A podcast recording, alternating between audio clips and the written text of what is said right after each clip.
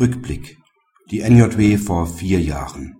Marktorientierte Vergütungsvereinbarungen mit dem Soldan Vergütungsbarometer Bei der Angemessenheit von Vergütungsvereinbarungen sollte auf Faustregeln, nach denen ein bestimmtes Mehrfaches der gesetzlichen Gebühren noch angemessen sein soll, ganz verzichtet werden, forderte Martin Henzler in der NJW von vor vier Jahren. (NJW 2005, Seite 1537).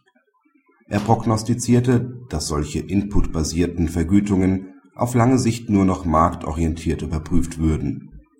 Was der Rechtsprechung für neue Vergleichsmaßstäbe noch fehle, seien verlässliche empirische Erkenntnisse über die anwaltliche Honorarpraxis. Dieser Einwand dürfte dank des Soldan Vergütungsbarometers 2009 nunmehr der Vergangenheit angehören. Das Soldan-Institut hat mit dem Vergütungsbarometer ein Langzeitprojekt etabliert, mit dem es künftig kontinuierlich die Entwicklung der Praxis anwaltlicher Vergütungsvereinbarungen untersuchen wird. Die Kernergebnisse der ersten Untersuchungen gibt es in der NJW bereits jetzt. Christoph Hommerich und Matthias Kilian stellen sie ab Seite 1569 vor